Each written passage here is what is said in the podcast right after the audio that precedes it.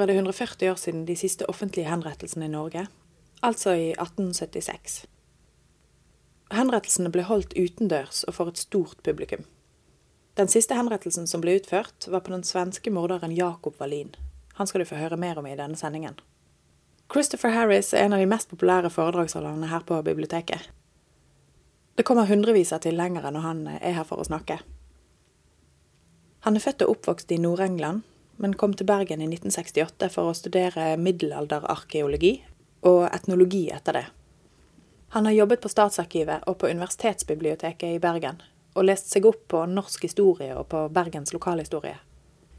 Ikke minst har han interessert seg for de offentlige henrettelsene som har skjedd her i byen. Pga. tekniske problemer så er de første minuttene av foredraget dessverre ikke med i denne podkasten, men jeg skal gi dere en introduksjon til det han snakker om.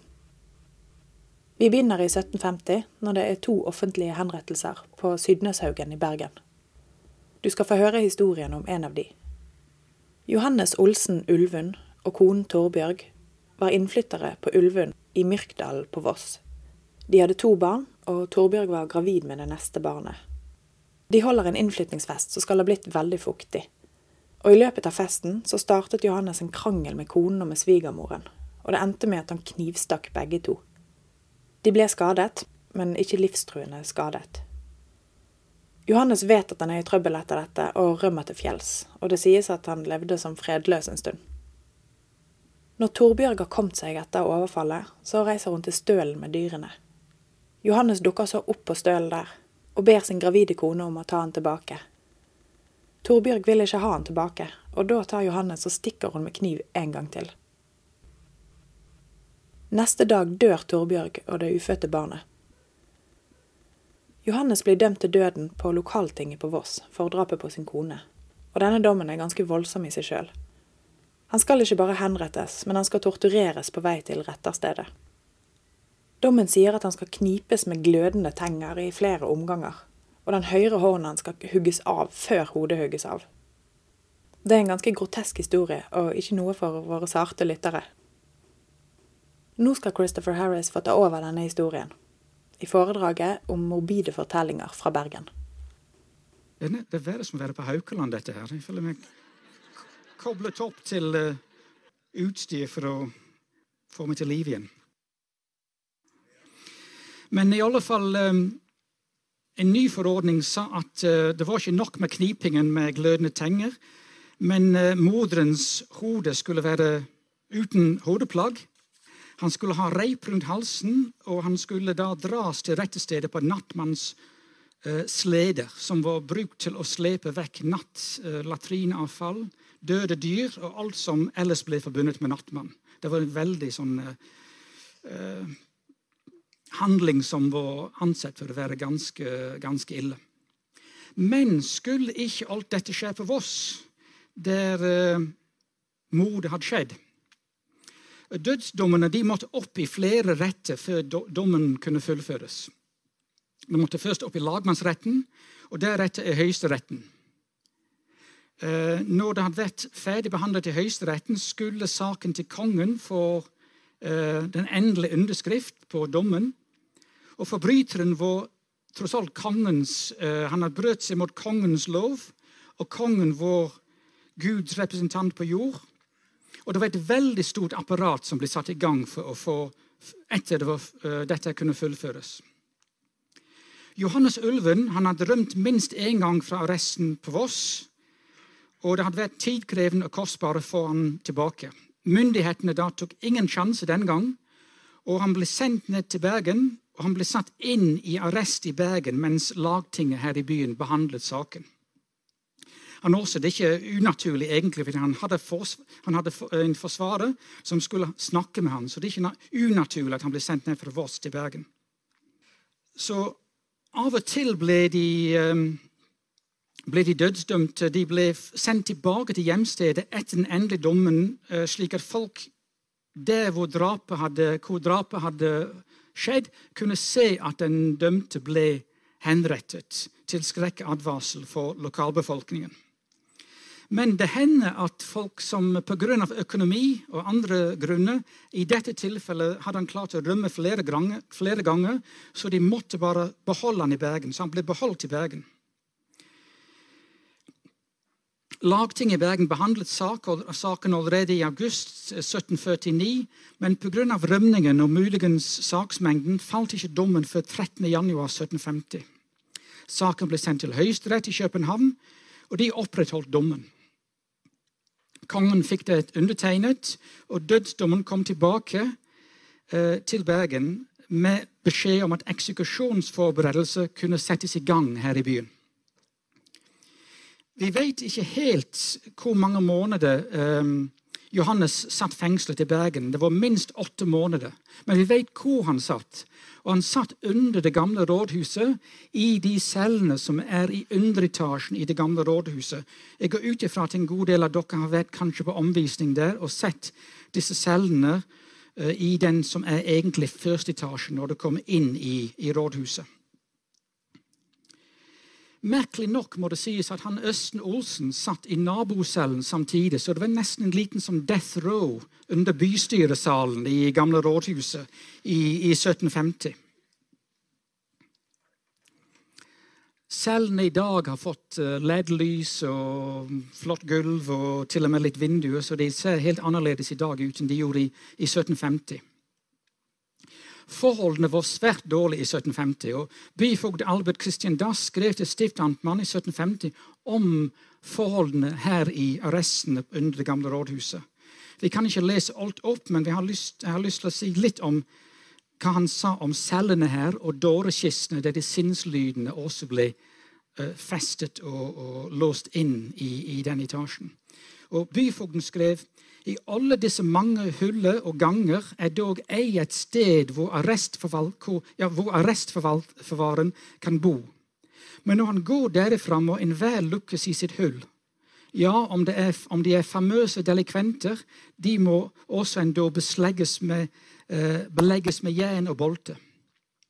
I den tilstand må de arme mennesker sitte dag og natt, et halvt år, et halvannet år, ja, to år, Alt liksom saken appelleres for retter an, og i et hull innelukt, innelukket i stanker og mørke, i kvalmer, uten lys, uten varmer, uten vedekvegelse, dvs. Si søvn eller forfriskelse eller noe som kunne lette litt, hvilken ofte er tungere enn straffen selv, da de dog sitter i forvaring.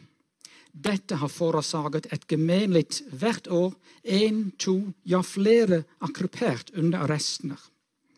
Så det var ganske ille forhold. Men arrestislokalene ble pusset opp og endret litt i 1755-56.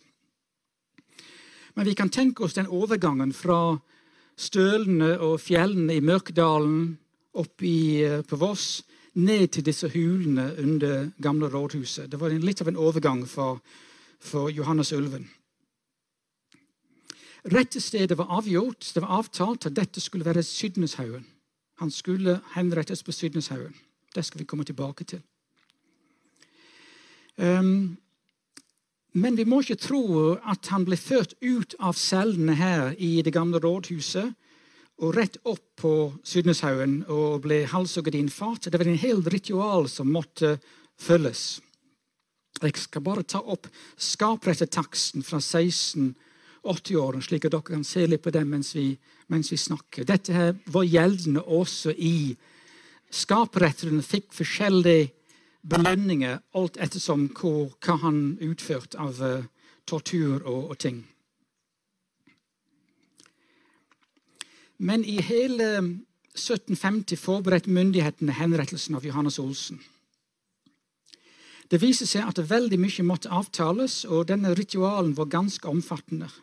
Nå er det flere syn på disse offentlige henrettelser, og det er forskjellige ting som kan, egentlig kan vektlegges. Um, den franske filosofen Foucault mener at en offentlig henrettelse har en juridisk-politisk funksjon. Den skal vise til alle at kongen, herskerens makt, er blitt gjenopprettet. Den dømte har tross alt brutt uh, kongens lov. Um, og det var viktig for folk at, å se at den kriminelle ble Eh, ble, fikk sin straff, og balansen som var, var, alt var kommet ubalanse, at balansen ble, gjen, ble gjenopprettet. Foucault mener at dette har ingenting med rettferdighet å gjøre, men det viser en styrkning av makten, av kongemakten og statsmakten. Og Vi må huske at uh, her i Norge, som i flere andre land på 1700-tallet, var det ikke rettsmøter som var åpne, det var veldig lite som var skrevet i avisene. Og det var ikke før selve henrettelsen at den dømte ble synlig for folk. De var klar over det, at noen skulle henrettes, men det var ikke før de så han at eh, det, eh, det ble oppdaget skikkelig gikk opp fordi at nå skulle være en henrettelse. Men som oftest uh, var det andre ting som spilte inn. Henrettelsen hadde veldig, et veldig sterkt religiøs, religiøs innslag og var på mange måter et religiøst rituale, like mye som et politisk rituale. I de fleste land var kongen Guds representant på jorden, slik at religion og kongemakten var veldig sammenvevet. Sosiologen Max Weber han understreker rollen som religion spilte i slik offentlig henrettelse. Prestene hadde en sentral rolle, som vi skal se. Og det var viktig at den dødsdømte angret og fikk tilgivelse for, for det han hadde gjort, eller hun hadde gjort. Og folk måtte høre dette her. Folk måtte høre at han fikk tilgivelse, og folk måtte høre at han ble tilgitt, eh, at han angret og ble tilgitt.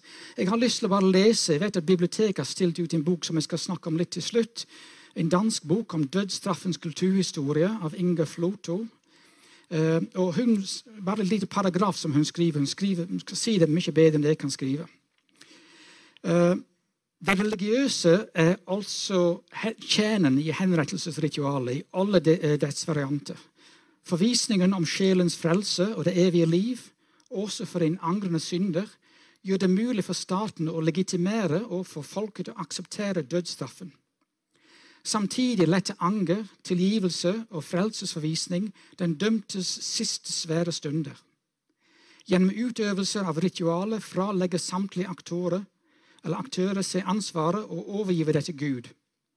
Uten den religiøse overbygning blir vi en henrettelse ikke til å skjelne fra et profant mord. Så dette her når han ble halshugget, dette var ikke mord. Dette var en, um, et religiøst og politisk eh, rituale. Mot slutten av, 17, av april 1750 skulle Johannes eh, forberedes til eh, for døden. Kongens bekreftelser av dødsdommen var sendt til stiftamtmannen, og biskopen skrev, fikk beskjed at han måtte skrive til alle prester i byen og, og be om at eh, presteskapet måtte møte opp i fengselet og forberede han for døden. Fangene skulle undervises i Det hellige skrifter, slik at han kunne angre og bli tilgitt. Biskopen så vidt jeg kan se fra kildene, og jeg sjekket senest forrige uken på arkivet, oppnevnte ingen helt spesiell person. Dette her er en periode før stillingen som fengselspresten kom, ble opprettet i 1840. Egentlig var det presten på Voss som skulle forberede Johannes til før henrettelsen. Og biskopen helt tydelig var ikke, likte ikke at han skulle bruke penger, eller at han, presten i Bergen skulle bruke tid på dette. her, og Det går tydelig fram. Men allikevel ba han at alle prestene i alle kirker skulle be for den dødsdømte fram til henrettelse. Og Det var nokså vanlig at to prester tok seg av undervisningen.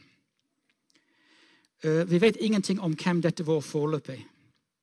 Byfogden hadde ansvar for arrestlokalene, og han ble bedt av stiftamtmannen å sørge for at prestene kunne snakke til ulven i enerom, noe som ikke var helt enkelt i disse overfylte lokalene i, i det gamle rådhuset.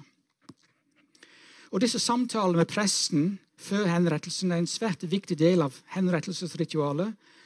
Um, og vi kjenner det godt fra henrettelser i USA i dag og slike ting, at presten alltid til stede. Også. Vi har hørt at forholdene i cellene var svært dårlige. Stanken var nesten til å, ikke til å holde, holde, ut med. Og det var veldig vanskelig for prestene og embetsmenn til å gå inn i disse arrestlokalene under rådhuset. Det er ikke funnet kilder foreløpig som forteller hva som skjedde under det gamle rådhuset. Men en annen svært viktig embetsmann i byen, politimesteren, han også skulle sørge for vakthold ved rådhuset, slik at prestene kunne komme og gå uforhindret. Vi vet ikke hvorfor egentlig politimesteren ble oppfordret til dette. Kanskje det hadde vært problemer tidligere. Kanskje hadde vært pøbelen som vi hører om siden, eh, møtt opp og skulle forstyrre dette her. Jeg tror at myndighetene ventet bråk. Enten før henrettelsen eller på selve henrettelsesstedet. Og bråk ble det. Under forrige henrettelse på Sydneshaugen fem måneder tidligere hadde det vært bråk med Veskafotter. Eh, og vi skal komme tilbake til den pøbelen som trengte seg inn på selve henrettelsesritualet. En som må ut og spy allerede. Det, jeg, tror ble, jeg tror ikke det ble mye verre, dette. Stakkars, men det var ikke meninga. Um, det som er veldig oppsiktsvekkende med den første uh, henrettelsen, her, at politimesteren ble bedt om å sørge for at over 200 bevæpnede menn skulle stille opp på selve rettestedet på Sydenshaugen. Og, og, de var delvis folk fra borgvæpningen. Og en del av dem skulle også stå vakt utenfor det gamle rådhuset en hel måned før henrettelse. Lederen for vaktmannskapet likte dette svært dårlig, for det var veldig kostbar. Men omkostningen for dette her, og det er noen som, hvis det er noen som går i kildene fra Voss Muligens en del regnskapsmateriale kan finnes i forbindelse med Voss, fordi Voss måtte betale for dette. Bergen skulle ikke betale for en vossings henrettelser i byen. Også. Det må være måte på byens utgifter. Men vi har hørt at Johannes Ølsen skulle tortureres på vei til henrettelsesstedet. Han skulle knipes fem ganger med glødende knipetange av skapretteren. Så han skulle knipes på vei. Uh, fangen var tydeligvis blitt forberedt. Henrettelsesdag 29. mai 1750. Og det står at han var blitt forberedt til døden av prestene. Men hvordan du skal forberede en mann til å bli torturert og maltraktert før en halshugging, vet ikke jeg, men han blir iallfall blitt forberedt. Og torturen med glødende tanger fem ganger må ha vært helt horribel. Og Skapretteren var en meget erfaren mann, Johannes Henrich Helmsleger. Han hadde vært skapretter i Bergen siden 1721. Han var assistent til den forrige skapretter, August Høkke. Um, jeg skal ikke snakke mer om skaper etter slekt. Det er tysk etter det slekt med lang erfaring og veldig veldig flink med, uh, med faget sitt. Men de var også, de var også nattmenn og gjorde en del andre ting. Og at de var veldig flinke med faget sitt, sitt og Helmsleger i tillegg til mange, mange andre skaprettere Han var kirurg. Så han kunne utføre operasjoner og visste en god del om kroppen. Og det var en stor fordel for den dødsdømte i mange tilfeller. Hele byen visste at Johannes Ulven skulle henrettes på rette stedet på Sundeshaugen om morgenen. Det var blitt kjent at han skulle knipes med glødende tenger på vei opp dit.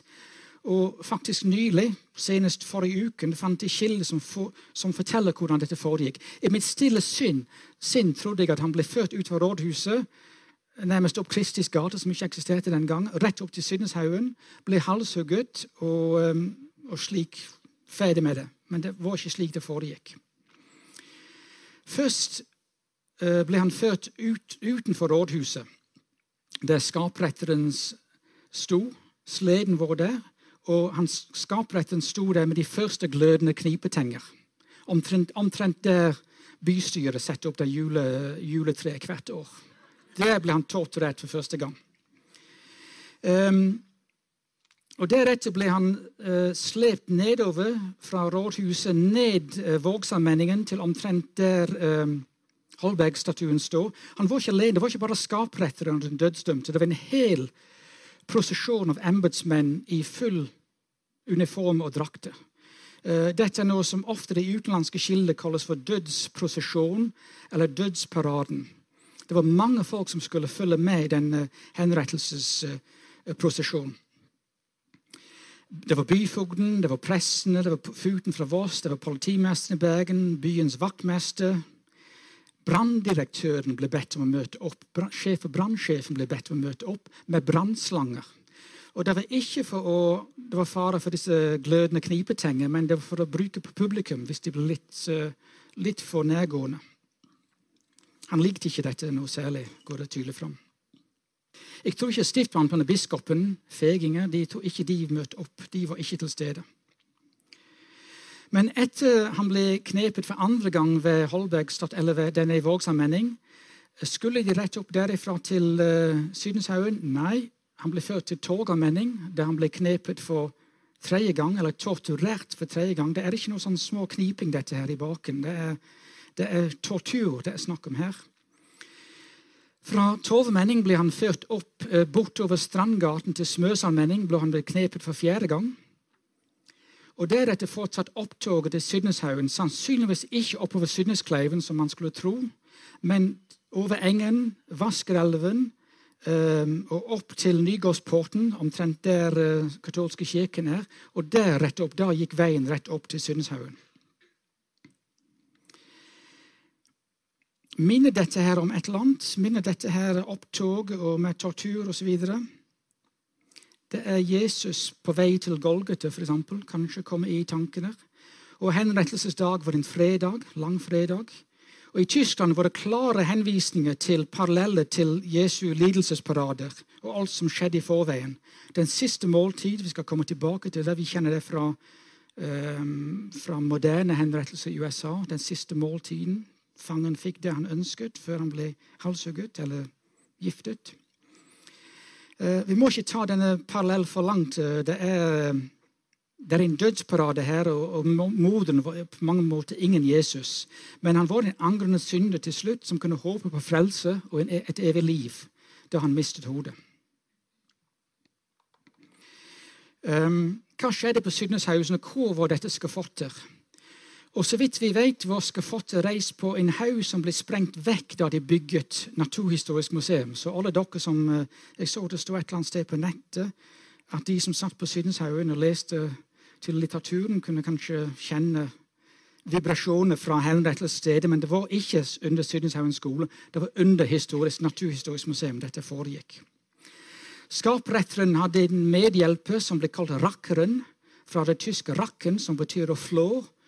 Og det var bøddelen og rakkeren som måtte flå hester, blant annet, og avlive dyr. Og Dette var et arbeid som ingen andre ville gjøre enn rakkeren, eller bøddelen. som vi kjenner. Og rakkeren, Det er derfor rakkeren er et skjellsord.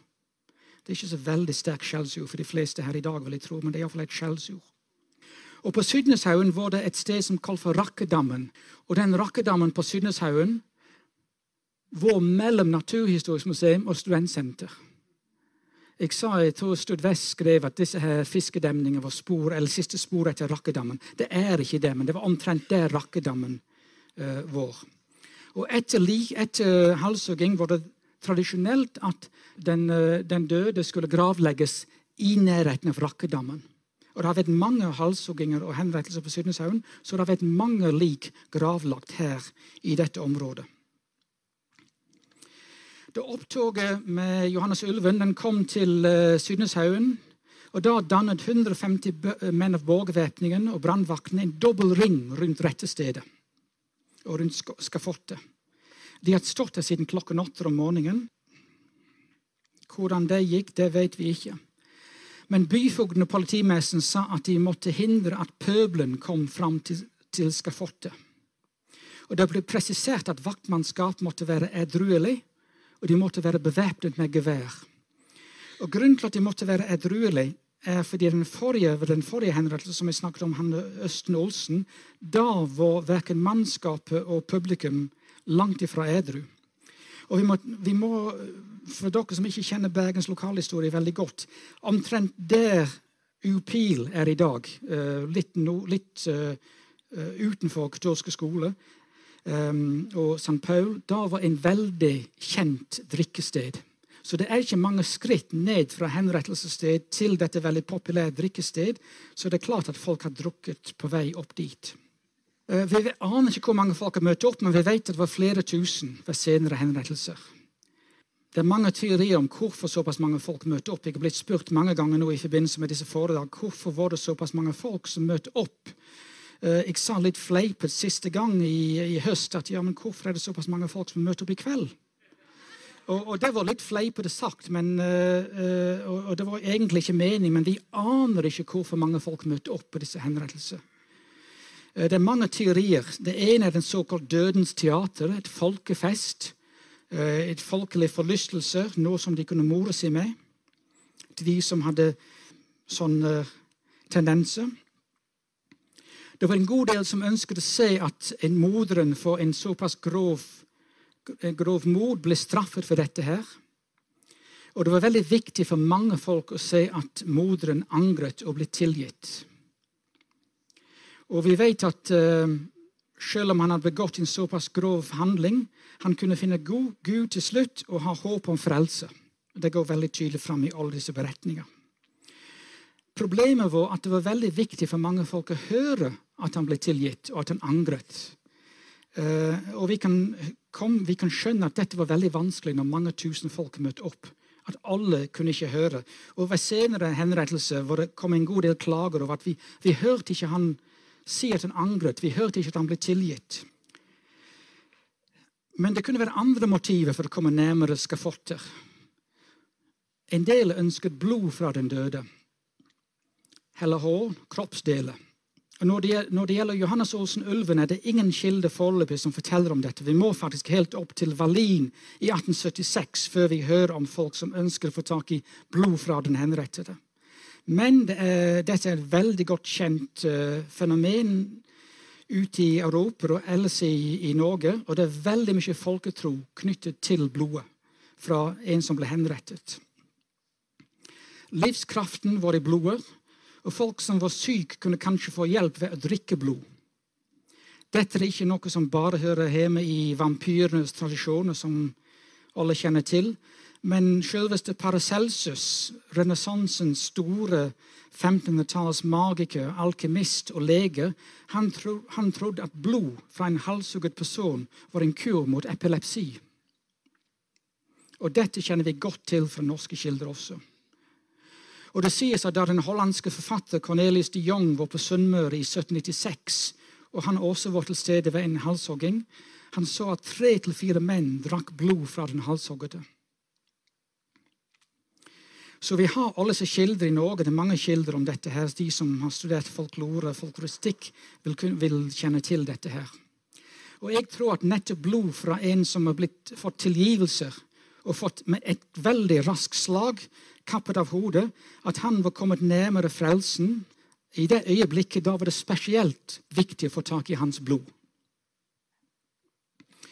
Og Det var derfor en god del folk måtte holdes vekk fra skafottet.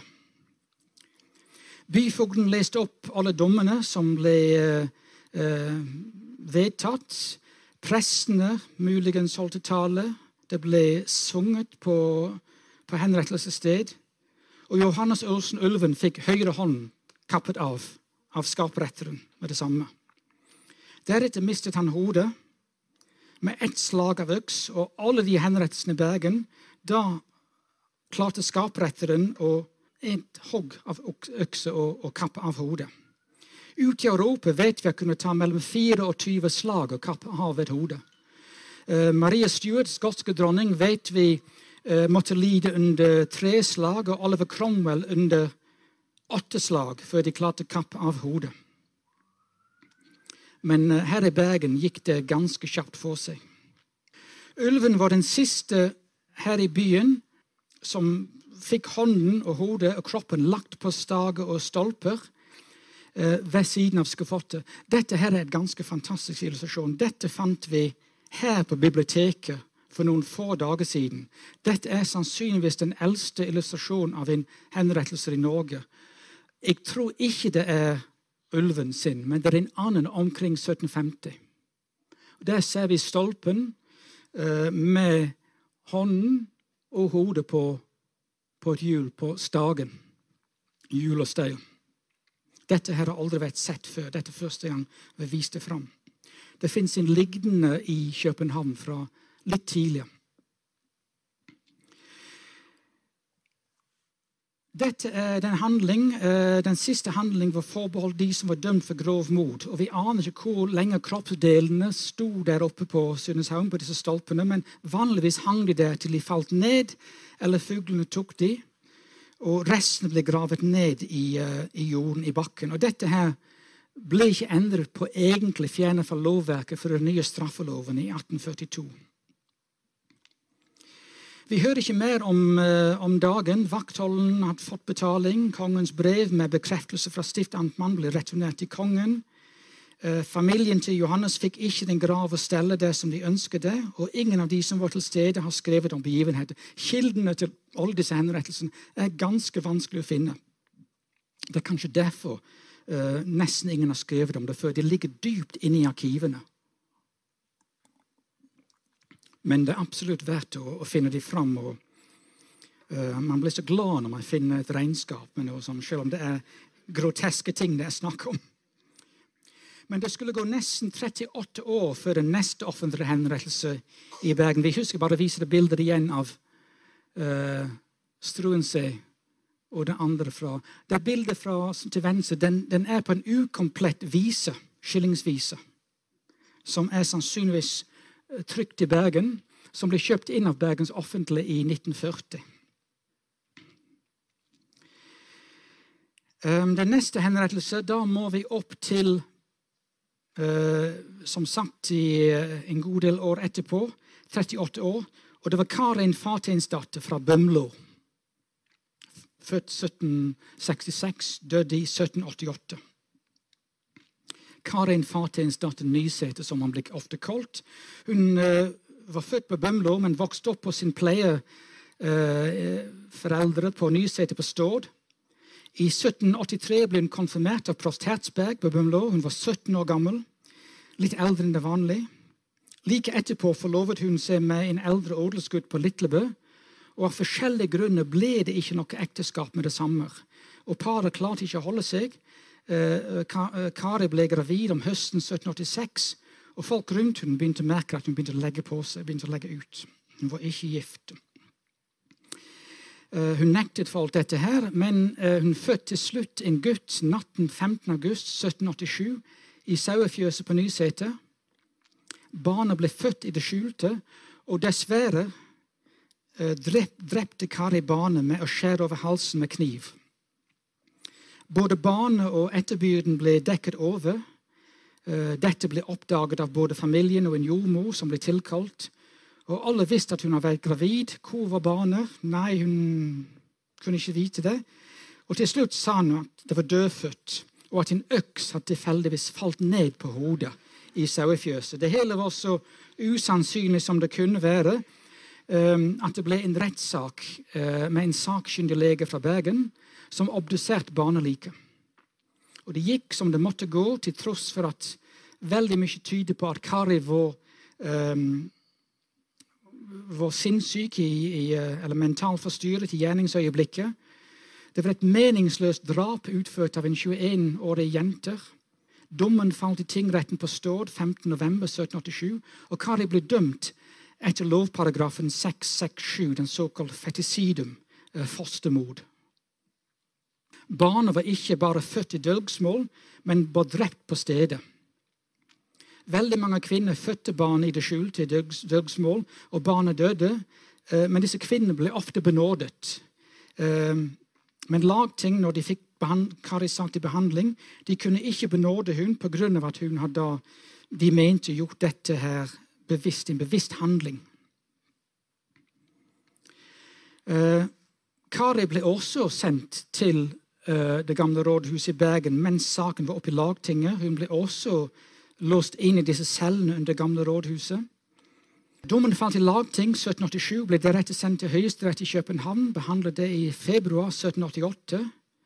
Og døm, Dommene i København var veldig delt i meninger. En del mente at hun var kanskje sinnslidende i, i, i det øyeblikket hun drepte barnet sitt, mens andre mente at hun måtte dømmes til døden. Og, og hun ble faktisk dømt til døden i uh, fikk ikke benådning i Høyesterett. En del mente at hun burde få livstids uh, men det gikk ikke slik. Men det var fortsatt håp at Kari kunne benådes av kongen. Men vi vet på denne tiden kongen var Kristian den syvende. Han var ikke helt i vate, som det heter. Han var, han var litt sinnssyk. Um, og Struensee vet vi, hans livslege, han var blitt halshugget eh, 1772, som vi har sett. Og det var kronprins Fredrik som styrte landet. Men han var på vei til Norge, til Vestlandet, da Karis sak kom opp i statsrådet. Han muligens hadde benådet hun. Han var en, en mann som hadde vært under opplæring av Struense, en, en, på mange måter en opplyst mann. Men det gikk i statsrådet, og de opprettholdt dødsdommen med påfølgende hodet og kroppen på stake eller stolpe ved henrettelsessted. Saken var egentlig avgjort uh, i juni 1788, og stiftamtmannen uh, anmodet byfogden å sette i gang med disse samme forberedelser til døden som ulven hadde uh, fått. Stefaren til Kari, Ole Salomonsen Notland, han endelig mant seg opp til å søke om benådning. Kari satt under rådhuset. Denne benådningssøknaden måtte gå frem og tilbake til København. Det tok lang tid. Og imens satt Kari i cellene under rådhuset. Under de mest forferdelige forhold, sto det. Men det ble bestemt at hun skulle halshugges fredag 19.9.1788 i Bergen. Av det samme grunn økonomisk. Hun skulle ikke sendes tilbake til Stord til tross for påbud om dette her var nokså vanlig. Og nå skulle hun forberedes til døden. Igjen vet ikke vi hvem av prestene forberedte Kari til døden. Men stiftamten ga beskjed at Hans Mosin, stiftsproffs Mosin, som var en av de store bauter i Bergens litteratur og, og uh, religiøst liv på, på denne tiden, Eh, en meget led mann. Han sannsynligvis, han var også prest for domkirken. Han er muligens den personen som var forberedt hun til døden. Og hun, Han sa, han sendte beskjed vi ønsker å vite når henrettelsesdagen er, slik at hun kan få nattverden dagen før. Skapretteren um, hvor, En kommer litt tilbake til Christian Møllhausen. uh, en, uh, en, av disse Mullhausen-slektene var flere av disse skaprettene. Han var 47 år gammel, og han var klar for oppdraget. Så vidt jeg vet, er dette hans andre henrettelse. Ellers var han kirurg og sårlege i byen. Vi har ikke så veldig mange hen, uh, kilder om henrettelsen som vi kan kanskje være glad for. Men vi vet at opptoget med Kari gikk ut fra det gamle rådhuset opp mot Sydneshaugen, sannsynligvis litt mer direkte enn ulven, uten denne knipingen med glødende tenger. Byfogden og presten fulgte med, sammen med en del andre fra vaktmannskap. og Henrettelsen skulle finne sted klokken ti. Og Resten av vaktmannskapet sto i ring rundt skafottet på Sydenshaugen. Um, en del av disse vekterne som skulle stå vakt, de var litt for gamle og skrøpelige. De klarte ikke å presse fra publikum som da skulle komme inn til skafottet. Så det var litt sånn, litt sånn slåssing der oppe. Brannskapet igjen ble eh, beordret om å møte opp. Og Politimesteren skrev at de hadde gjort dette før. De hadde møtt opp for de siste henrettelsene på Engen mot deres vilje. Og Det er faktisk det første gang vi hører at det har vært henrettelser i nyere tid på Engen. Omtrent utenfor Kaffe Opera i dag. For dere som sitter og nyter kaffe latter utenfor Kaffe Opera. Um, engen vet vi ble brukt for pisking og kakstryking helt opp til uh, tidlig 1800-tallet. Og Kari ble halshugget under streng bevåkning, og hennes hode ble satt på en stolpe, mens kroppen ble gravet ned av rakkeren i nærheten av blokket. Dette er en illustrasjon faktisk fra Bergens offentlige biblioteks nærmest årsmelding i 1937. En bergenskunstner, Reidar uh, Jansen Smith, har tegnet dette. Men dette er egentlig, for å være helt ærlig, dette er uh, Sofie Johannesdatter, den, den, gift, den svenske giftmodersken fra, fra, 1876. Den nest siste personen som, som, ble henrettet i Norge. Men det er to andre ting. Vi vet at uh, hun ble gravet ned. Uh, men det er to andre ting vi må si om denne henrettelsen som er litt, litt spesiell. Like etter henrettelsen litt vanskelig for alle å lese dette, men like etter henrettelsen, i, kort, i løpet av noen timer, ble det solgt skillingsviser på gatehjørner i Bergen om henrettelsen. Eh, dette var forfattet før halshuggingen, men de måtte vente med trykkingen. Dette ble trykt i Bergen. De måtte vente for å være sikre på at hun ble halshugget. Og da solgte de disse her visene, disse sangene. Uh, dere er sikkert mer vant til sånn festlige sanger i brylluper i bursdag, men dette her er en sang om en henrettelse. Det som er veldig merkelig med, med denne hendelsen, at det var to viser. Bergens Offentlighet sitter på originalet til begge to. Den her er ikke helt komplett, uh, men det er det, um, det eneste eksemplaret tror jeg vi kjenner til. Den andre visen, ikke den her, men den andre visen nevner et englekor som fulgte Kari til henrettelsesstedet på Sydneshaugen. Og det tror jeg var guttene fra katedralskolen som sang. Vi vet fra senere henrettelse at guttene fra katedralskolen sang såkalt ligsalmer i denne dødsparaden opp til henrettelsesstedet. Og de fikk, noe, de fikk, penger for dette. selvsagt. Jeg er en gammel korgutt. Jeg sang i brylluper og begravelser, og vi fikk penger for det. Vi var veldig glad for det.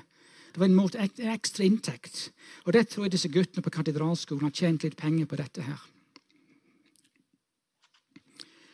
Så det var Kari Fartinsdatter. datter. jeg kan bare vise kanskje Dette er på baksiden av visen fra 1788. En kvinne som sitter der med disse dødssymbolene. eggeglass som da sanden renner ut. Vi alle har vår tid. Vi alle har vår tid. Og, og, og hodeskall og bein. Dette er nokså vanlige dødssymboler. Vi må nå opp til uh, den siste henrettelsen på Sydneshaugen. 15 år senere, 1.6.1803. Jeg kommer til å gå litt over tid. det gjør meg ingenting hvis folk må løpe på døden. Eh, eh, når den, den, tiden kommer. Jeg er fremdeles ti minutter hjem. Jeg kommer til å snakke litt lenger. Vi begynner ikke i Bergen, men vi begynner faktisk i Lærdal. Og en god del vil da vet hva jeg da skal snakke om. Uh, dette her er veien opp mot Filefjell. Kronprins Fredrik og stattholderen i Norge hadde vært på befaring her i 1788. Vi vet at det derfor Fred Fredrik var her på befaring da Kari, fartinsdatter, satt under rådhuset. Og det var nødvendig med nye veier flere steder. Ikke minst for at soldatene kommer lettere fram til grensene mot Sverige. Det var disse urolige tidene. Soldatene fra Vestlandet skulle over fjellet, eh, og de var på befaring her. Arbeidet begynte i 1790-91, eh, og de skulle bygge en ny vei over Filefjell. Lærdalssiden ble utført av soldater og bøndene fra Lærdal som pliktarbeid. Og Løytnant Wilhelm Jørgensen ledet troppene som kartla veien. og De laget bl.a. vindheller og galdene, som vi ser her. Disse flotte stedene, disse fredede stedene ned i uh, den gamle veien opp fra Lærdal. Arbeidet gikk ikke helt knekefritt som Jørgensen eller generalveimester Hamme, som var den som planla mange av disse flotte veier på, i Norge på den tiden.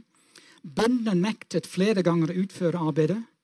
Kongen sendte ut et reskript i 1795 om postveiene gjennom Lærdals prestegjeld. Og en del endringer som ble gjort, som faktisk gjorde enda verre for bøndene. De fikk enda flere dager med pliktarbeid på veien. Og For, å forkorte ned på en veldig lang historie, for vi kan tenke oss hvordan det gikk Protestene fra bøndene var høylytte og mange. Det var snakk om å danne et lokalt militært kompani samtidig som dette. her, og Vi må huske at dette her nå er vi i eh, napoleonskrigens tid, krigen mot Storbritannia. Det var behov for, for flere militære. Lærdølinger fortsatte ikke vil møte opp til sesjon. Og I 1802 la de fram et skriv med deres syn gjennom lederen for opprøret, Anders Olsen Lysne. Myndighetene godtok ikke dette, og to kanonbåter ble sendt fra Bergen med 500 soldater til Lærdal. Eh, soldatene marsjerte fra Østlandet over Filefjell på denne veien som de hadde nettopp bygget. Eh, og I begynnelsen av juli 1802 ble flere av opprørerne arrestert. Og I de følgende rettssaker fikk de fleste fengselsstraff eller veldig hard tukthusstraffer. Lederen Anders Olsen Lysne Eh, som var en mann i slutten av 30-årene, en, en uh, omtalt som krøpling. Han var halvt. Han ble dømt ikke til døden, men til en livstid tukthusstraff i Bergen. Dessverre for han ble dommene appellert til Høyesterett i København. Og i Høyesterett i København ble Anders Lysne dømt til døden. Alle de andre fikk lenge straffe, lang straffe. Noen ble benådet til slutt. Men opp, uh, han var lederen for oppvigleriet mot staten. Og dødsstraffen ble opprettholdt uh, 11. mars 1803. Jeg må innrømme at uh, vi vet fra for dere som er ikke så veldig godt kjent Her har vi Håkonshallen. Dette er et slaveriet, fengselet på Bergenhus festning, som ikke finnes i dag. Det var her mennene som hadde gjort grov forbrytelse, satt i slaveriet her. Alle dødsdommene som sagt måtte til kongen, eh, men det gikk dårlig for lystne. Han var sendt til Bergen. Han var ikke her i slaveriet med alle de andre fra Lærdal, merkelig nok, men han må vært det i begynnelsen av juni 1803, like før halshuggingen. Vi, har, vi, vet at det står i kilden at Anders Olsen Lysne skulle ha forbrutt ære, liv og gods, rørende og urørende, som det står i kildene. Det vil si at slekten etter Lysne skulle ikke arve hans, hans jord og eiendom. De mistet alt. Lysne var en mann som sagt som var nesten 30 år. Um, og Det var en lang vei fra slaveriet der han var, opp til Sydneshaugen, der han skulle uh, henrettes. Vi har ingen skikkelig beskrivelse av dette her. Men um, vi vet at Fredrik Meltze, Eidsvollsmann Fredrik Meltze, dere kjenner Fredrik Meltzes gate i Bergen, han skrev dagboksnotatet, og han nevner hvordan det gikk den 1. juni i Bergen. og Han skriver Anders Lysne ble henrettet på Svinneshaugen i dag. Han ble kjørt i en vogn sammen med to skoledisipler som sang liksalmer, og han ble eskortert av 50 menn fremfor og 50 menn etter vogn. 96 menn av borgermilitsen dannet en ring omkring blokken uten de militære. Dessuten var det to politivakter og to prester til stede. Han ble halshugget med en stor, tung bile og ble begravet på stedet. Det var rystende å høre hugget gjennom halsen. Forbrytelsen hans var at han som ordfører for allmuen i Lærdal satte seg imot å utføre verneplikten som de mente seg fratatt fordi de hadde opparbeidet Filefjells, eller veien over Filefjell. Slik opplevde Meltze halshuggingen. Vi vet at skaperetteren uh, var, ikke, var en ny Mulhausen, var, Christ, var Johannes Mulhausen. Og han bodde, som mange folk vet, i dette her lite trehus like før domkirken i Bergen, som på alle byvandringer som alle har, peker ut at her var bøddelens hus i Lille Øvregate. Og dette var Johannes Mühlhausen. Han var halvbror til Christian Mühlhausen, den forrige. Og han var faktisk helbror til Gottskalk Mühlhausen, som hadde henrettet Struensee i København i 1772. Så det er disse slektene som, som vi kjenner godt til. Melsen nevner merkelig nok ikke tidspunktet for henrettelsen, men den skulle ha vært klokken fem om morgenen. Myndighetene ønsket å unngå at folk stimlet til i tusenvis men det hjalp ikke. Det var fryktelig mange folk som møtte opp. Det spesielle med Lysne er at han ble dømt for oppvigleri mot staten, og ikke en voldsdom som han skulle vente disse her dødsdommene. Jeg tror jeg må bevege meg nå er det såpass, jeg tror jeg må bevege meg raskt opp til den neste henrettelse, som en del folk kanskje har hørt om. Uh, Jens Amundsen Fenstad. Født på Risser i Sør-Trøndelag 1778. Han var eh, bondesønn. Eh, han var blitt morløs i femårsalderen. Han hadde giftet seg i 1801 og ble far til fire barn. Og han var ja, kanskje vi kan si et dårlig papir, for å bruke et lite vitenskapelig uttrykk. Han ble arrestert for første gang i 1807 for å ha stjålet fra sin egen far. Og mens han satt i tukthuset i Trondheim, lærte han falsk mynteri med en medfange, Ivar Melum. Han lærte å tegne falske pengesedler sånn som dette her, en av de pengesedlene tegnet. Eh, jeg tenker alltid på han, han, Falsk myntneri hvor folk som tegnet pengesedler. Dette her var, det var dødsstraff for folk som drev med dette. her. Jeg tenkte på de for noen få år tilbake. alle disse kjekke folk som skulle prøve å kopiere kronesedler på gode fargekopimaskiner. At uh, Hvis de hadde visst at dette var en dødsstraffsak for noen år tidligere Eh, men han laget mange, mange sedler. Eh, og han ble fanget, og han ble, fikk sin dødsdom, første dødsdom i 1818. Men han klarte å rømme. Eh, kom tilbake, ble benådet av kongen. Den nye straffen var livstid på Bergenhus festning. Og her satt han både i Trondheim og Bergenhus med bl.a. Jess Bårdsen. Det står litt om han i Erling Gjelsviks bok om Jess Bårdsen. De ble gode venner, og de ble veldig kjent for sine rømninger fra fengsel.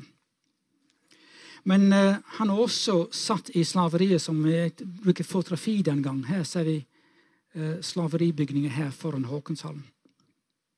Han satt i slaveriet og, og klarte å komme seg ut. Uh, han laget nye falske pengesedler og fikk en ny dødsdom og ble rømt og fikk ble nådet. og Dette gikk frem og tilbake. Han hadde tre dødsdommer på seg. Han ble benådet tre ganger av kongen. Det er nesten utrolig at det gikk, gikk ikke an. Siste gang han satt her på Bergenhus festning, uh, han satt, han var lenket til andre fanger, uh, og han skulle tro at han kunne ikke gjøre noe galt. Mens de andre fanger sov om natten, tegnet han falske pengesedler. Sier han, eller det sies det. Um, og han ble dømt igjen, uh, og han ble benådet, uh, osv. Det som er veldig veldig rart, at han eh, fikk såpass mange dødsdommer og ble benådet, det er nesten ufattelig. Men siste gang han laget pengeseddel, da hadde kongen fått nok. Da måtte, han, eh, måtte dødsdommen eh, fullbyrdes. Flere ganger mens han var her, fikk han besøk av Johan Ernst Welhaven, presten fra St. Jørgen, far til eh, dikteren Welhaven og Elisabeth Welhaven, forfatterinne. Og Welhaven og Fenstad ble forholdsvis godt kjent, og nærmest ikke akkurat venner, men i alle fall veldig godt kjent. Um, og byskriveren uh, gjorde forberedelser for Fenstads henrettelse. Og Den skulle foregå ikke på Sydneshaugen, men på Nordnes. Nå flytter vi oss over til Nordnes, som er mest kjent kanskje for heksebrennerier osv. Meltzer skrev i dagboken uh, om Fenstad, som nå var blitt 47 år.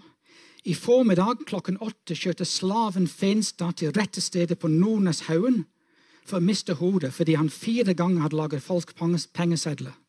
Han har vært benådet tre ganger, og Fenstad kjørte i lukket karriol ledsaget av politiet og 24 vaktmenn. Borgerskapet hadde vakttjeneste på festningen, og garnisonen dannet krets rundt rettestedet. Eh, men hvor var dette rettestedet stedet? Skapretten var Johannes Mullhausen. Han skulle svinge øksen for andre gang i Bergen.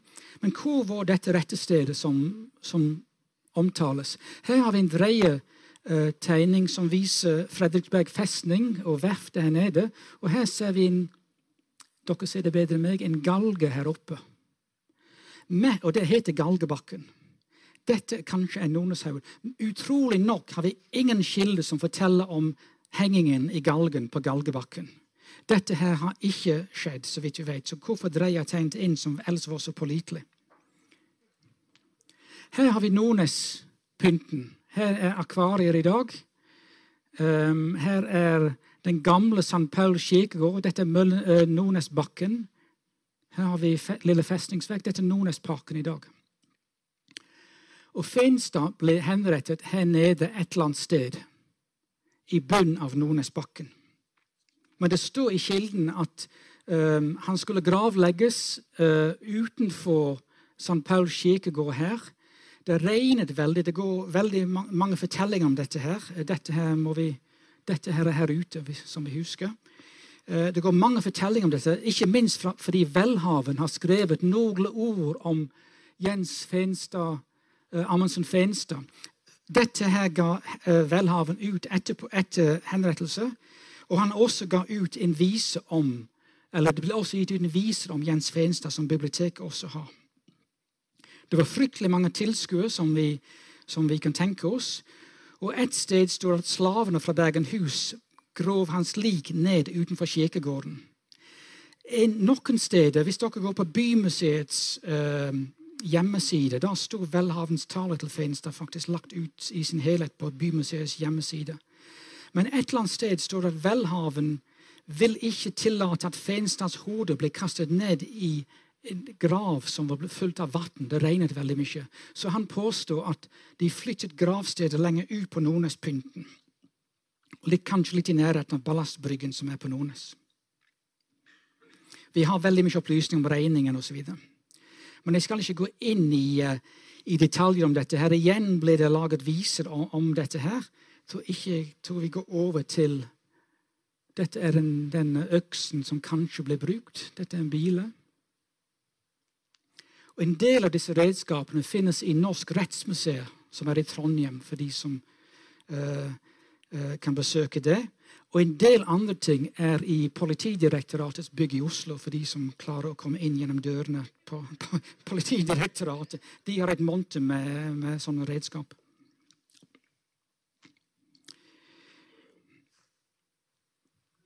Dette er avisen som ble skrevet om, om han. Men vi går over til den siste henrettelsen, for nå har det allerede gått over tid. Som sagt, hele fortellingen til Valins henrettelse Vi må helt opp nå til 1876. Den ligger ut på nettet, ble skrevet og lagt ut på nettet. Det er også i Statsarkivets utmerket lille Bergensposten-tidsskrift, et gratis tidsskrift som de utgir.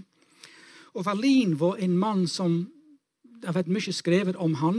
Uh, han var en mann av reisende slekt. Han ble omtalt som tater, omreisende, uh, omstreifere osv. Han levde, uh, han var helt tydelig, det, det, er ikke tvil om at han var fra en omreisende slekt. Av og til het han Wallin, av og til het han Valgren. Han var født i muligens i Sverige. Han drev dette her grenseområdet mellom Sverige og Norge på Østlandet. De drev og flyttet over uh, grensene veldig, veldig ofte. Uh, og han var en mann som til slutt Han uh, var ikke noen enkel mann, det er helt tydelig. Eh, han var i, satt i fengsel i Tukthuset mange mange ganger. Han var for, både for tyveri og for vold og for forskjellige uh, forseelser.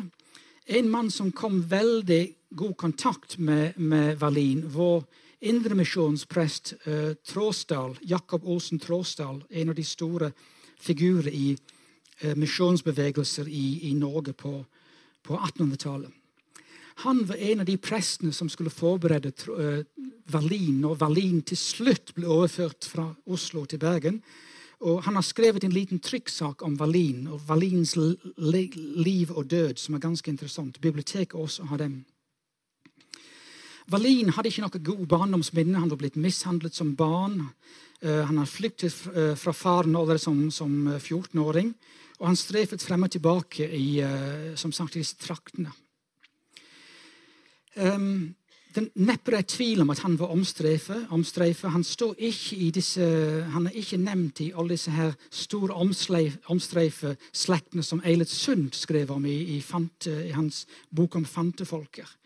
Men det er ikke tvil om at han var det. Og jeg bare lyst til å lese hva Tråstad skriver om han. Han skriver ikke pent om utseendet. Wallin hadde heller ikke det ravnsorte hår, det sky unnvikende blikk, den gulbrune hudfarge og markerer en ansiktsform som er eiendommelig for dette folkeferd. Vel lå det noe visst skummelt eller lumsk i hans åsyn, men for øvrig så han ut omtrent som stygge folk i alminnelighet. Dette er misjons, indremisjonspresten uh, Tråsdal. Sier ikke noe mer om Tråsdal, som var på mange måter en veldig skikkelig figur. Så Wallin ble uh, fengslet mange steder på Østlandet. Uh, både i Sverige og på Østlandet. og Han var ute av fengsel. Han var en sånn fengselsfugl. Hissig temperament. Stadig vekk straffet på kroppen. Selvforfyll, ulydighet, trussel. Um, og Han ble til slutt uh, fanget på Hadeland for en tyveri. og Han ble satt inn i båtsfengsler for syv måneder. Og Det er dette bildet fra båtsfengselets arkiv som jeg fant i år 2000, som er det bildet fra Wallin som går igjen på alle kildene. og vi ser Det brukt overalt. Det er i båtsfengselets arkiv, som er i Riksarkivet i Oslo. Wallin ble kjent igjen. Han uh, satt i Kristiania tukthus under et litt falskt navn, men folk kjente han igjen. Og plutselig måtte han innrømme alle de tidlige uh, dommene, som, alle de tidlige ting som han, han hadde gjort. Uh, og han uh, var ille ute. Han, havlet, han til slutt kom ut av fengsel med si, folk som da lette etter han. Han var på Hamer, tyveri igjen på Hamer. Og Da var han involvert i en veldig sånn, jeg må bare nevne, for selv om vi har gått over tid, en sånn rar sak på, på Hamar julaften i, um, mens han satt inn der med en flaske brennevin julaften. Det var Han og en venn satt på fengselscellen. Klokken var fire første juledag, og det begynte å brenne i cellen til Wallin uh, og kameraten. Og både senghalmen, sengeklær og det som igjen av sengen, var i full fyr.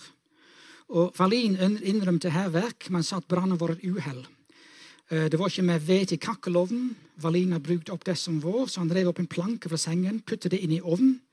Planken var for lang, Verlin var for full, ovnen var for liten, og resultatet ble en stor brann i cellen.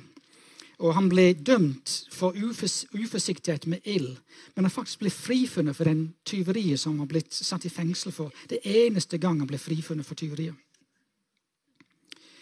Men igjen var han ute og gå. Han ble dømt i Kongsvinger i 1870 for simpelt tyveri.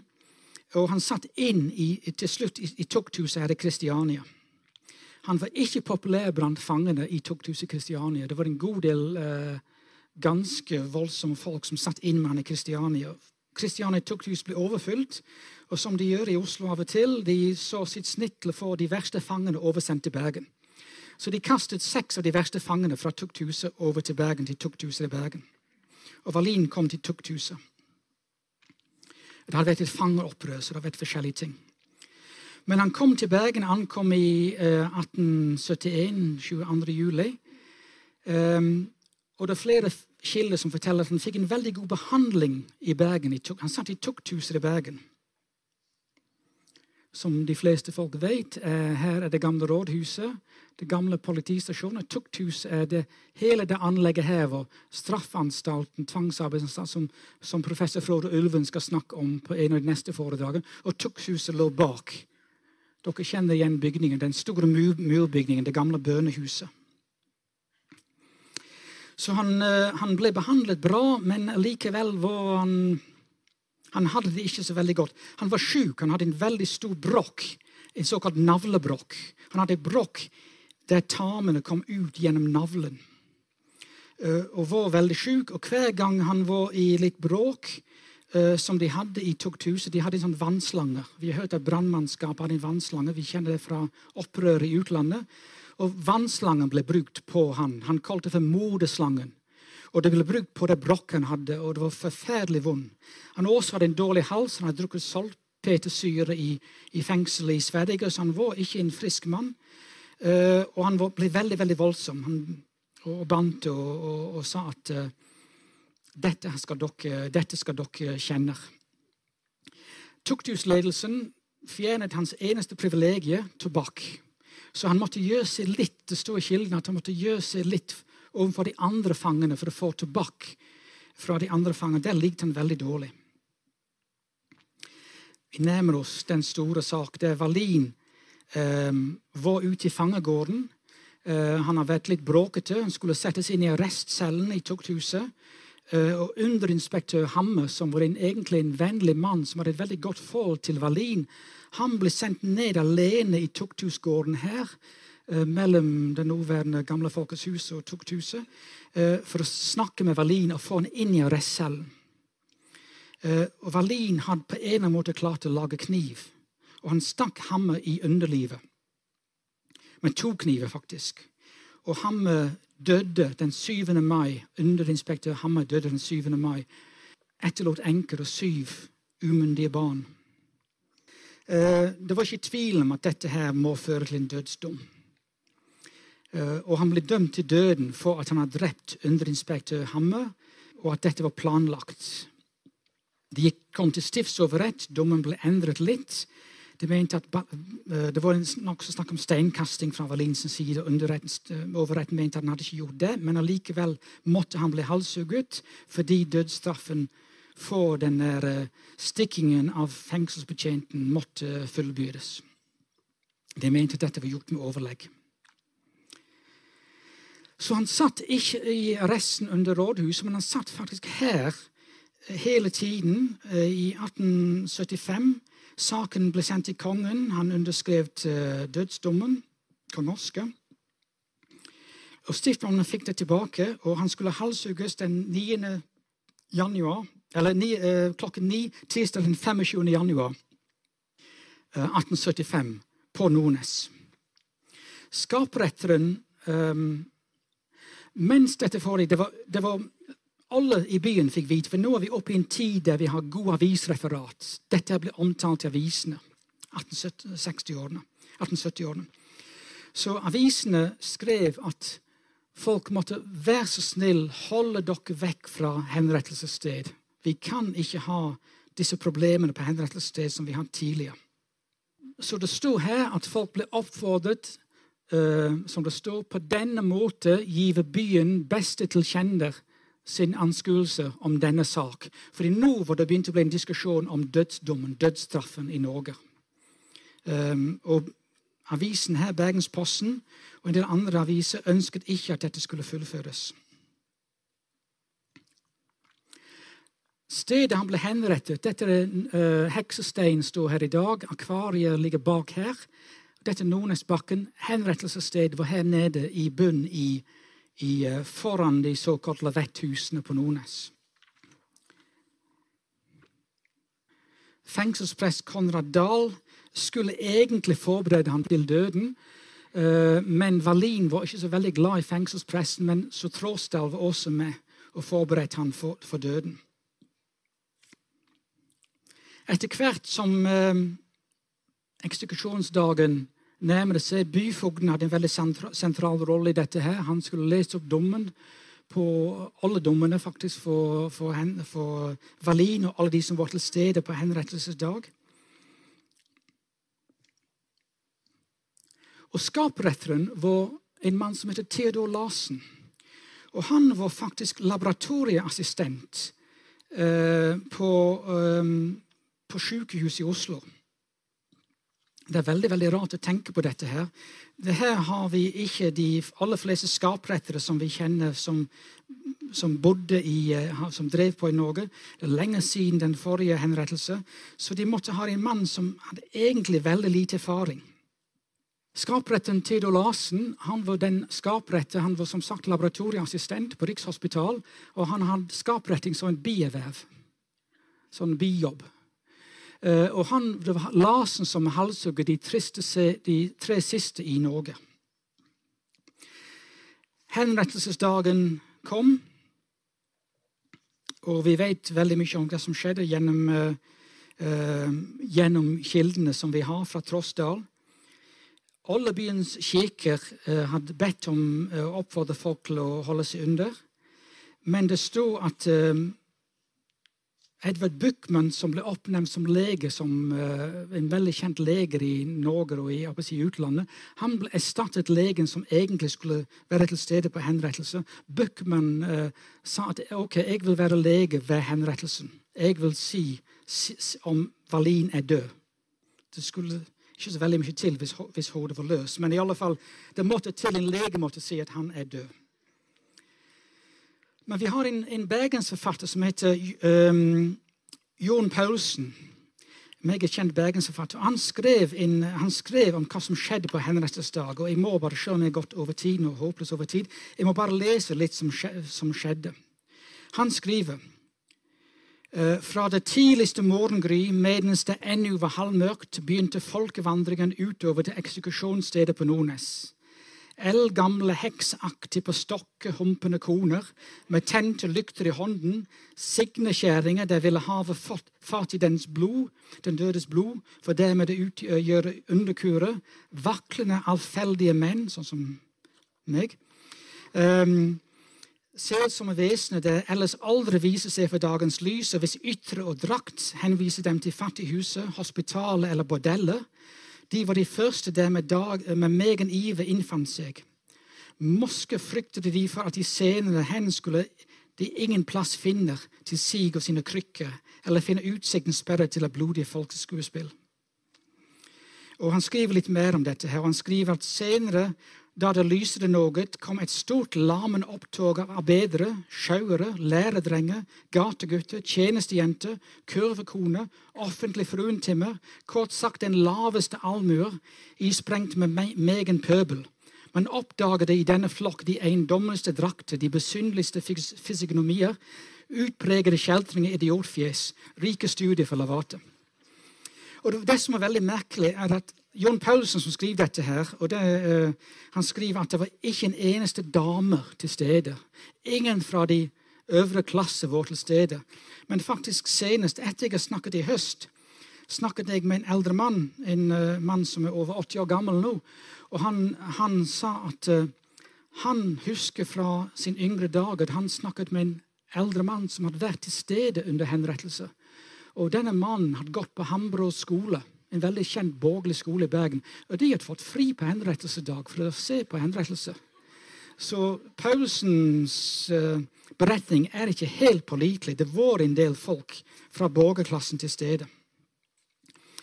Uh, ta den siste ta den helt til slutt. At Tukthuset presten Dahl hadde forberedt en liten andakt. Wallin kom ut i fangegården. Fangene ble oppstilt på den ene side, soldatene på den andre. Og Wallin tok avskjed én og én med fangene. Uh, og, og, ropte til, uh, kamerat, til folk Farvel, kamerater, glem ikke hva jeg har sagt dere. Søk i tide frelser i lammets blod. Og han ble ført inn i vogn sammen med Dal, Trossdal, Klokkegrung. Og opptoget til Nordnes begynt. Eh, eh, Rådhusplassen, Valkendorfsgaten, Torvemenning, Veiten, Engen, Markeveien, Klostgaten, Haugeveien, til de kom til disse vollene som vi har snakket om på, på, eh, på Nordnes. Det var en veldig merkelig plassering egentlig, med tanke på at dette var en av byens mest berømte. og uh, uh, At dette var en veldig kjent promenadeplass. Wallin tok avskjed med um, alle sammen. Uh, det ble holdt tale. Byfogden holdt tale. Pressen holdt tale. Wallin sjøl holdt en liten tale til oppmøtet. Eh, og Wallin spurte om ikke folk kunne Og han ble spurt selvsagt av pressen tror du på den treenige Gud, Fader, Sønn og Hellige Ånd, og bygger ditt salighetsskap ene og alene på Kristis fullkommenhetsfortjeneste. Og han sa ja til dette. Han var blitt frelst av presten. Og Wallin holdt en tale, og han ønsket at salmen 'Gå nå hen og grav min grav', Landstad 628, skulle synges. Uh, og De nærmeste rundt han sang sammen. Og det står i Bergensposten dagen etterpå Dog gikk det som rimelig var moderlig med sangen. Vi kan tenke oss det. Wallin tok avskjed med pressen, Tråsdal klokkegrom. Skapretterens assistent hjalp han av med jakken, halstørkle og vesten og fangen nektet å ha bind foran øyet, som var nokså vanlig. Han uh, krysset armene over brystet og la sitt hodet ned på blokken. Og mens uh, prest Dahl leste Fader vår, falt øksen, og hodet datt av. Den, jeg blir fremdeles frem, veldig rørt når jeg tenker på dette og leser det. Det er en forferdelig sak, egentlig. En avskyelig sak. Etterpå ble liket kjørt til Møllendal, gravplass utenfor sentrum. Pressen Dahl utførte jordpåkastelse, og Klokke Grung sang noen salmer før graven ble fylt. Um, like etterpå det er faktisk uh, Bøckmann. Dette var Bergens Arbeiderblad på 1960-tallet. Trodde at det gikk slik. Dette var Wallin, det bildet fra båtsfengselet. Og igjen, i løpet av noen timer solgte de denne visen som Bergens Offentlig har i samlingene, på gaten om Wallins en ny og sannferdig beretning å vise om Wallin. Så dette var den siste offentlige henrettelse. Det som, vi, det som vi vet, det som vi kan lese om avisen, er at denne grav på Møllendal, som ikke har noen gravstein, dagen etterpå disse her damene som Paulsen sa ikke var til stede under henrettelsen, de hadde tatt veien fra Kalfaret opp til Møllendal, til gravplassen, og lagt blomster ned på graven til Wallin. Og Det sto i Bergensavisen at damene fra de bedre stand hadde vært og lagt blomster på, på, på Wallin sitt grav. Halvdekket med så dette var den siste henrettelsen i Bergen. Debatten nå var, gikk for fullt. Det var to hendelser. Skapretter Larsen måtte skynde seg over fjellet til Oslo igjen og til, uh, til Halden, der han henrettet Sofie Johannesdatter uh, i Halden 18. februar. Da dro han opp til, Løten, til Løten og, og, og halshugget Kristoffer Svartbekken 25. februar 1876. De var de tre siste som ble henrettet i Norge. Nå, siden jeg begynte å interessere meg for dette, her, har uh, gynekolog på, på hospitalet på Ahus i Oslo skrevet tre bøker om de henrettede, som Bergens offentlige bibliotek har. En del er utstilt nede. Meget gode bøker. Perioden hans er vel Det går ikke fram ja, 17, uh, Han står 1771-1876, så han skriver ikke om den første som jeg snakket om, han er ulven. Veldig gode bøker. Litt utsatte på den. Han har fått gode kilder fra Riksarkivet og fra andre arkiv. Veldig spesielt god når det gjelder henrettelse av kvinner. Han har et gynekologisk perspektiv på en del av disse drapene. Det høres litt sånn uh, ja, rart ut, men veldig bra på det. Litt dårlig på andre ting, kanskje. Ellers har vi dette også utstilt nede 'Dødsstraffens kulturhistorie' av Inga Floto i Danmark. En veldig god bok som trekker opp dødsstraffens historie fram til uh, USA i dag, annet. Disse her henrettelser av psykisk utviklingshemmede og sprøytene i USA. i dødssprøytene i USA. Veldig god bok. Nå har jeg snakket 25 minutter lenger enn jeg skulle gjøre. Takk for meg.